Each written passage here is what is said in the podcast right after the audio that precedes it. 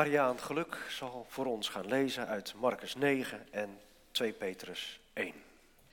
Zes dagen later nam Jezus Petrus, Jacobus en Johannes met zich mee een hoge berg op, waar ze helemaal alleen waren. Voor hun ogen veranderde hij van gedaante. Zijn kleren gingen helder wit glanzen, zo wit als geen enkele wolwasser op aarde voor elkaar zou kunnen krijgen. Toen verscheen Elia aan hen, samen met Mozes, en ze spraken met Jezus. Petrus nam het woord en zei tegen Jezus: Rabbi, het is goed dat we hier zijn. Laten we drie tenten maken: één voor u, één voor Mozes en één voor Elia.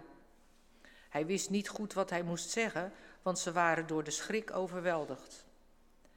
Toen kwam er een wolk die hen overdekte, en uit de wolk klonk een stem: Dit is mijn geliefde zoon, luister naar hem.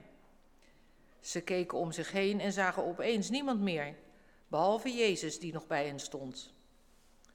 Toen ze de berg afdaalden, zei hij tegen hen dat ze aan niemand mochten vertellen wat ze hadden gezien, voordat de mensenzoon uit de dood zou zijn opgestaan. Ze namen zijn woorden ter harte, maar vroegen zich onder elkaar wel af wat hij bedoelde met deze opstanding uit de dood. Uit de tweede brief van Petrus.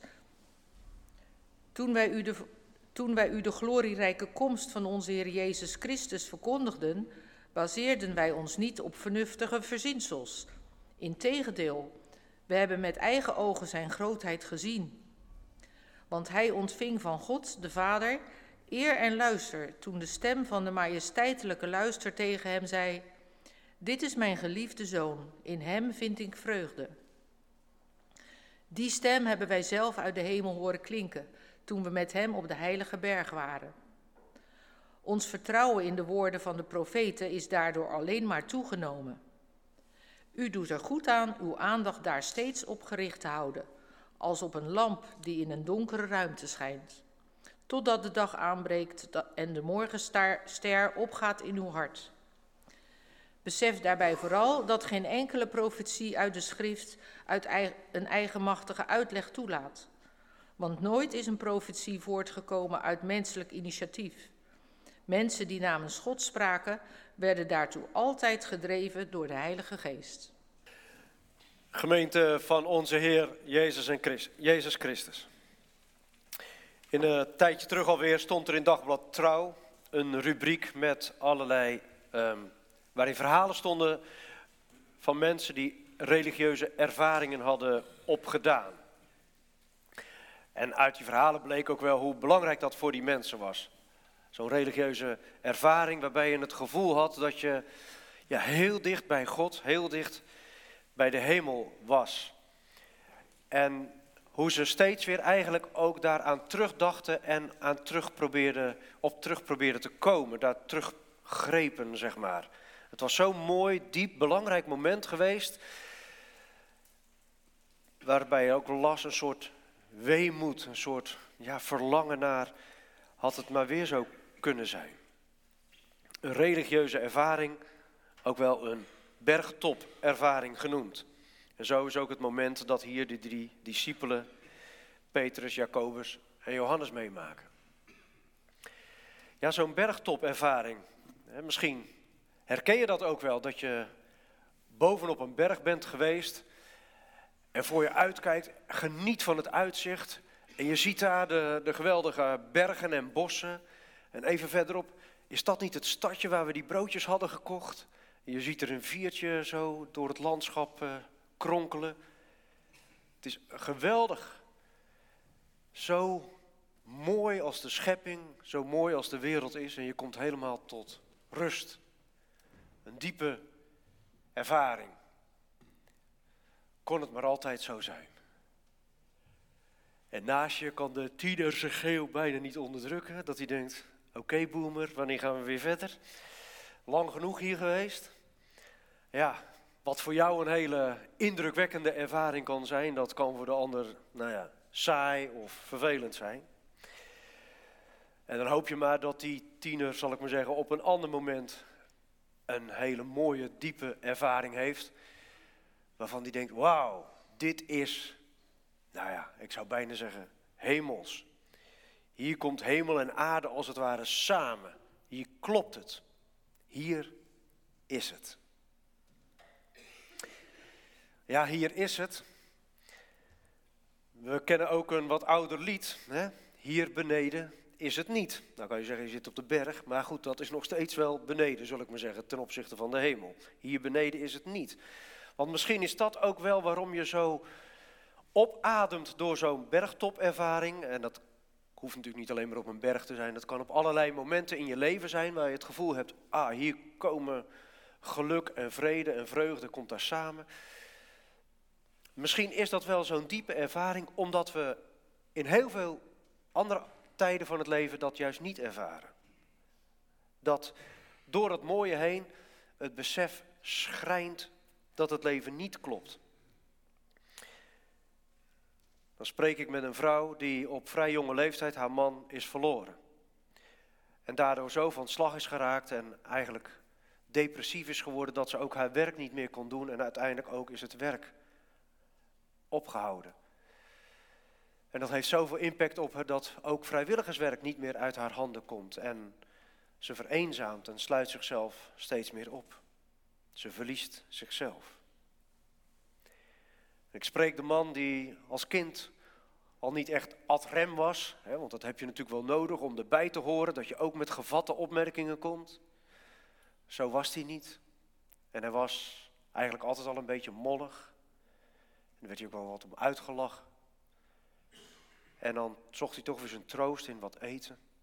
Trok zich terug in zijn schulp. En schaamde zich er ook voor. Kwam steeds minder buiten. En hij woonde daar op zijn flatje, geïsoleerd. Bijna niemand die hem aanspreekt. En zelf durft hij niet. En de puber die je spreekt en die ervaart de strijd van het erbij willen horen. En wanneer zeg ik nou het goede en wanneer niet. En ben ik wel, hè, ben ik wel bij? De tegenwoordige social media die natuurlijk, nou ja, op een geweldige manier mensen kapot kan maken, kapot kan treiteren. De ene keer word je in vertrouwen genomen door iemand en die vertelt je, nou die andere dat is maar een vreemde. Hè? En de volgende keer zie je diegene weer met een ander fluisteren en naar jou kijken en dat je denkt, wie mag ik zijn? Het leven kan ongelooflijk onzeker zijn en niet kloppen. Wat kun je dan snakken naar zo'n bergtopervaring? Naar zo'n moment van rust en vrede en dat alles op een goede manier samenkomt. Je wordt even uitgetild boven de pijn, het onvolkomene van elke dag. Deze drie leerlingen die hebben het voorrecht dat ze dit mogen meemaken. Petrus, Jacobus en Johannes. Fantastisch. Jezus hier in al zijn heerlijkheid. Hij verandert voor hun ogen. Dit is de hemel op aarde. De nabijheid van God is ervaarbaar. En natuurlijk zegt Petrus dan, laten we dit moment vasthouden. Dit wil je niet vergeten, dit wil je niet meer loslaten. Zoals nou ja, het kind niet naar bed wil en, en op allerlei manieren probeert dat uit te stellen. Want ik ben nog zo fijn aan het spelen of aan het tv kijken of wat dan ook. Petrus en die anderen natuurlijk net zo goed willen dit vasthouden. Blijven rekken. Op die berg verschijnen Mozes en Elia. Ik heb geen idee hoe Petrus en zo Mozes en Elia herkennen. Er waren nog geen foto's in die tijd. Maar goed, het is hun duidelijk geworden. Mozes en Elia verschijnen ook op die berg. Het zijn vanuit de Bijbel bekende berggangers, zou je kunnen zeggen. Mozes is heel wat keer die berg op en af geweest om woorden van God te ontvangen, die wij kennen als de tien geboden, de tien woorden. Maar ook op andere momenten dat hij instructies van God ontving. Elia die op de berg was om zijn nood te klagen bij God en dan ook weer nieuwe bemoediging en nieuwe instructies ontving. Zij zijn hier bij Jezus als ja, metgezellen zou je kunnen zeggen, als als medestrijders, als mede mensen die uh, bijzondere opdracht van God hebben ontvangen. En ook als mensen die zich soms heel erg eenzaam en klein konden voelen. Dat ze het idee had dat ze er alleen voor stonden. En is er nou nog wel iemand die met ons is in het volgen van u. Mensen die ook hebben moeten leren, niet mijn wil, maar uw wil geschieden. En deze twee, Mozes en Elia, ook de verpersoonlijking van de wet, Mozes, en de profeten, Elia, komen hier bij Jezus om hem te bemoedigen, maar ook om getuige te zijn van Hij is het. Hij is het in wie de wet en de profeten vervuld worden. Hij is de beloofde eh, van wie al zoveel gezegd is, naar wie is vooruitgekeken en verlangd. Hij is het. En voor de ogen van Petrus, Jacobus en Johannes zijn zij eigenlijk degene die dat gaan betuigen. Dit is de Messias. En hun getuigenis wordt bekrachtigd en bevestigd door de stem die dan uit de hemel klinkt. Dit is mijn geliefde zoon. Luister naar hem. En dat is niet zonder reden dat God dat er nog aan toevoegt. Luister naar hem. Want als we een paar versen teruglezen, dan lezen we over de aankondiging, de eerste aankondiging van het lijden. Jezus vertelt aan zijn leerlingen dat hij als mensenzoon, zoals hij zichzelf betitelt, die moeilijke gang moet gaan van verraad en van lijden, van kruisiging, van sterven, maar ook van opstanding. Maar de weg die hij schetst, de weg van het lijden, is een weg waar ze eigenlijk niet veel van willen weten. En Petrus is dan vooral degene die roept, Heer, zo moet u niet spreken. En Petrus is nu ook degene die zegt, nou laten we dit moment maar vasthouden. Dat bevalt veel beter dan de weg van lijden. Luister naar Hem, zegt God. En daar bedoelt hij mee. De weg die Jezus gaat en de weg die Jezus schetst, dat is werkelijk ook de weg die bedoeld is. Dat is mijn weg. En dat is de weg waar langs verlossing en bevrijding en uiteindelijk verheerlijking gerealiseerd wordt. Het is zoals Paulus schrijft in Romeinen 8.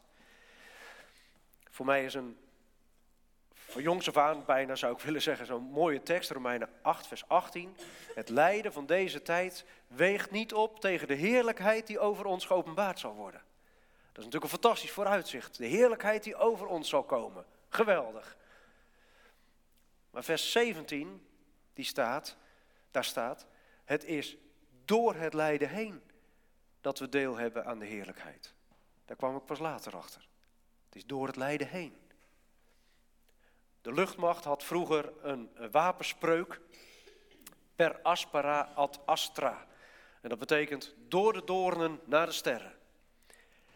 Dat heeft dat, hetzelfde inzicht. Je moet wel door de strijd heen, door de worsteling heen, door het lijden heen, om uiteindelijk, nou ja, die sterrenstatus, zou ik maar zeggen, de heerlijkheid te kunnen bereiken. Het kost moeite, het kost ongemak. Lijden, echt diep lijden, maar het leidt naar de overwinning. En dat is een diepe ervaring die eigenlijk ieder mens wel opdoet, zijn hele leven lang. Ik bedoel, we zagen een foto van Sam. Net geboren, nieuw leven, geweldig. Maar die komt niet heel erg moeiteloos ter wereld. Hè? Daar gaat pijn en moeite aan vooraf. De bevalling, de weeën. Ik heb zelf een aantal kinderen. Ik uh, heb gezien, niet, niet gevoeld, maar wel gezien wat dat uh, doet, zou ik maar zeggen. Hè? Daar wordt heel wat gestreden. En vervolgens, voordat jij als mens je weg door, nou sowieso hoe je je weg door het leven vindt en gaat, dat kost ook strijd, pijn, moeite, ongemak. Er wordt heel wat genoten, er wordt heel wat afgelachen, er is fantastisch veel om van te genieten. Maar er zijn wel die momenten ook waarbij je ervaart, het gaat niet vanzelf. De keuzes die je moet maken, de moeite die je daarmee kunt hebben. En zoals ik schetste bij die voorbeelden van die mensen die ik ontmoette, dat je kunt vastlopen in het leven, dat je kunt vastlopen in de wereld met alles wat er gebeurt. Dat je je afvraagt, maar waar moet het nu toch heen? Is er nog hoop voor de wereld? En ja, zeggen we vanuit ons geloof. Maar als we kijken naar wat er gebeurt, dan zijn alle ontwikkelingen zijn eigenlijk teleurstellend, angstaanjagend zelfs. Het leven slaat grote wonden. En misschien heb je in jezelf ook wel zo'n wond. Met een korstje erop, een litteken, het jeukt nog. En misschien, zat ik ook nog te denken, voelen wij ons wel eens als een van de andere leerlingen die dit allemaal niet hebben meegemaakt. Die alweer het gevoel hebben dat ze op het verkeerde moment op de verkeerde plek zijn. Hij weer wel, zij weer wel en ik weer niet. Hoe kan dat nou? Te midden van alle onrust en alle vragen kreeg ik niet die bemoediging die zij wel ervaren hebben.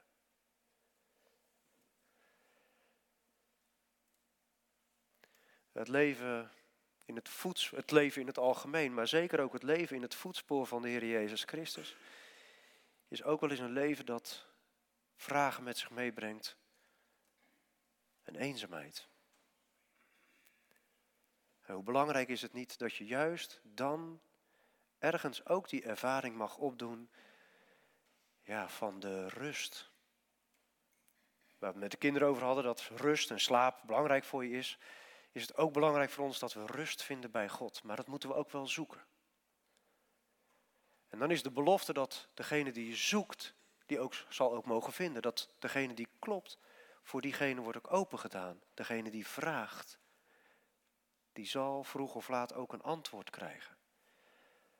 Die zal ergens ook in zijn leven wel die rust en die vreugde en die vrede mogen gaan ervaren. Te midden van al het onheil wat er in de wereld is en in je eigen leven. Wil God je rust geven. Jezus zegt het ook. Er komt alle tot mij die vermoeid en belast zijn. Ik zal je rust geven. Matthäus 11, vers 28. De weg naar het licht, de weg in het licht, de weg van het licht, gaat, zo zien we in ieder geval in het leven van de Heer Jezus ook, door de diepste diepte heen. Een diepte waarin alles aan scherven gaat. Aan dat vloekhout, dat kruis van Golgotha. Alle hoop en geloof wordt er eigenlijk uit handen geslagen. Mijn God, mijn God, waarom verlaat gij mij? En de omstanders die het roepen, waar blijf je nou met al je mooie woorden en bedoelingen? En je buigt gelaten en verward het hoofd. Om dan ergens in deze verzoeking en beproeving en in deze weg grond onder de voeten te krijgen. Om te mogen weten dat in de verlatenheid van Christus jouw verlatenheid wordt opgeheven. In de eenzaamheid van Hem jij te horen krijgt, ik zal jou niet begeven, ik zal je niet verlaten. In de ziekte, in het gemis en in de pijn te mogen weten dat Hij het is die heelt en die vergeeft en die nabij is. Hoe Hij zijn weg gegaan is, opdat wij leven mogen. Gemeente, dat is het grote geheimenis van waaruit wij leven. Dat is het grote geheim waar de leerlingen getuigen van mochten zijn. Toen begrepen ze het overigens helemaal niet. ze dachten altijd nog wel weer een andere weg te moeten wijzen voor Jezus. En werden af en toe op een hele scherpe toon ook nog weer terecht gewezen. Maar ze hebben het wel geleerd. Uiteindelijk zijn ze ook die weg gegaan. Een weg waarin zij de heerlijkheid van de Heer hebben mogen ervaren. Ja, het heeft hen ook lijden gekost en ongemak en pijn maar wel vervuld met een diepe vrede en met een diepe overtuiging. Dit is de weg van de Heer. En dit is de weg die ons toekomst brengt. En als, nou jullie misschien ook wel, ik wou zeggen als predikant, maar als medemens zou ik bijna willen zeggen, mag je dat ook ervaren als je met anderen in gesprek gaat en als je met anderen mag optrekken, als je voor anderen mag bidden. Als je met anderen de Bijbel mag openen, mag je dat ook ervaren. Wat een bemoediging ervan uitgaat. Wat een kracht, wat een geestkracht, wat een liefde. En wat een perspectief. Een perspectief dat we leven eh, vanuit de overwinning die Jezus behaald heeft. Zelf als overwinnaars in dit leven mogen staan. En mogen toeleven naar die heerlijkheid die inderdaad over ons geopenbaard zal worden. De leerlingen gingen de berg af en moesten op dat moment hun mond nog houden. En waarschijnlijk omdat niemand begreep waar dit nou over ging. En misschien wel omdat als ze daarover zouden gaan vertellen, mensen weer andere en verkeerde bedoelingen met Jezus zouden gaan hebben. Later hebben ze hun mond wel open gedaan. We lazen het uit de tweede brief van Petrus, waar hij erover schrijft en iedereen die mag het weten. En ze hebben op allerlei plekken hun mond open gedaan en verteld over de weg die Jezus is gegaan. De geliefde zoon van God en hoe belangrijk het is om naar Hem te luisteren. En zo komt dat ook naar ons toe. Met die vraag om nu ook zelf onze mond open te doen. Om erover te vertellen. Om te blijven praten met elkaar. Om die diepte van Gods geheim te verkennen. Om de ervaringen uit te wisselen. Jouw bergtopervaring. En misschien ook wel jouw diepe dalervaring. Om zo elkaar te bemoedigen. Elkaar deelgenoot te maken. En voor elkaar getuigen te zijn van de geweldige liefde die God voor ons allen heeft. Bewezen in het leven, in het lijden, de sterven en de opstanding van Jezus Christus. Bekrachtigd door de Heilige Geest die in ons werkt. Amen.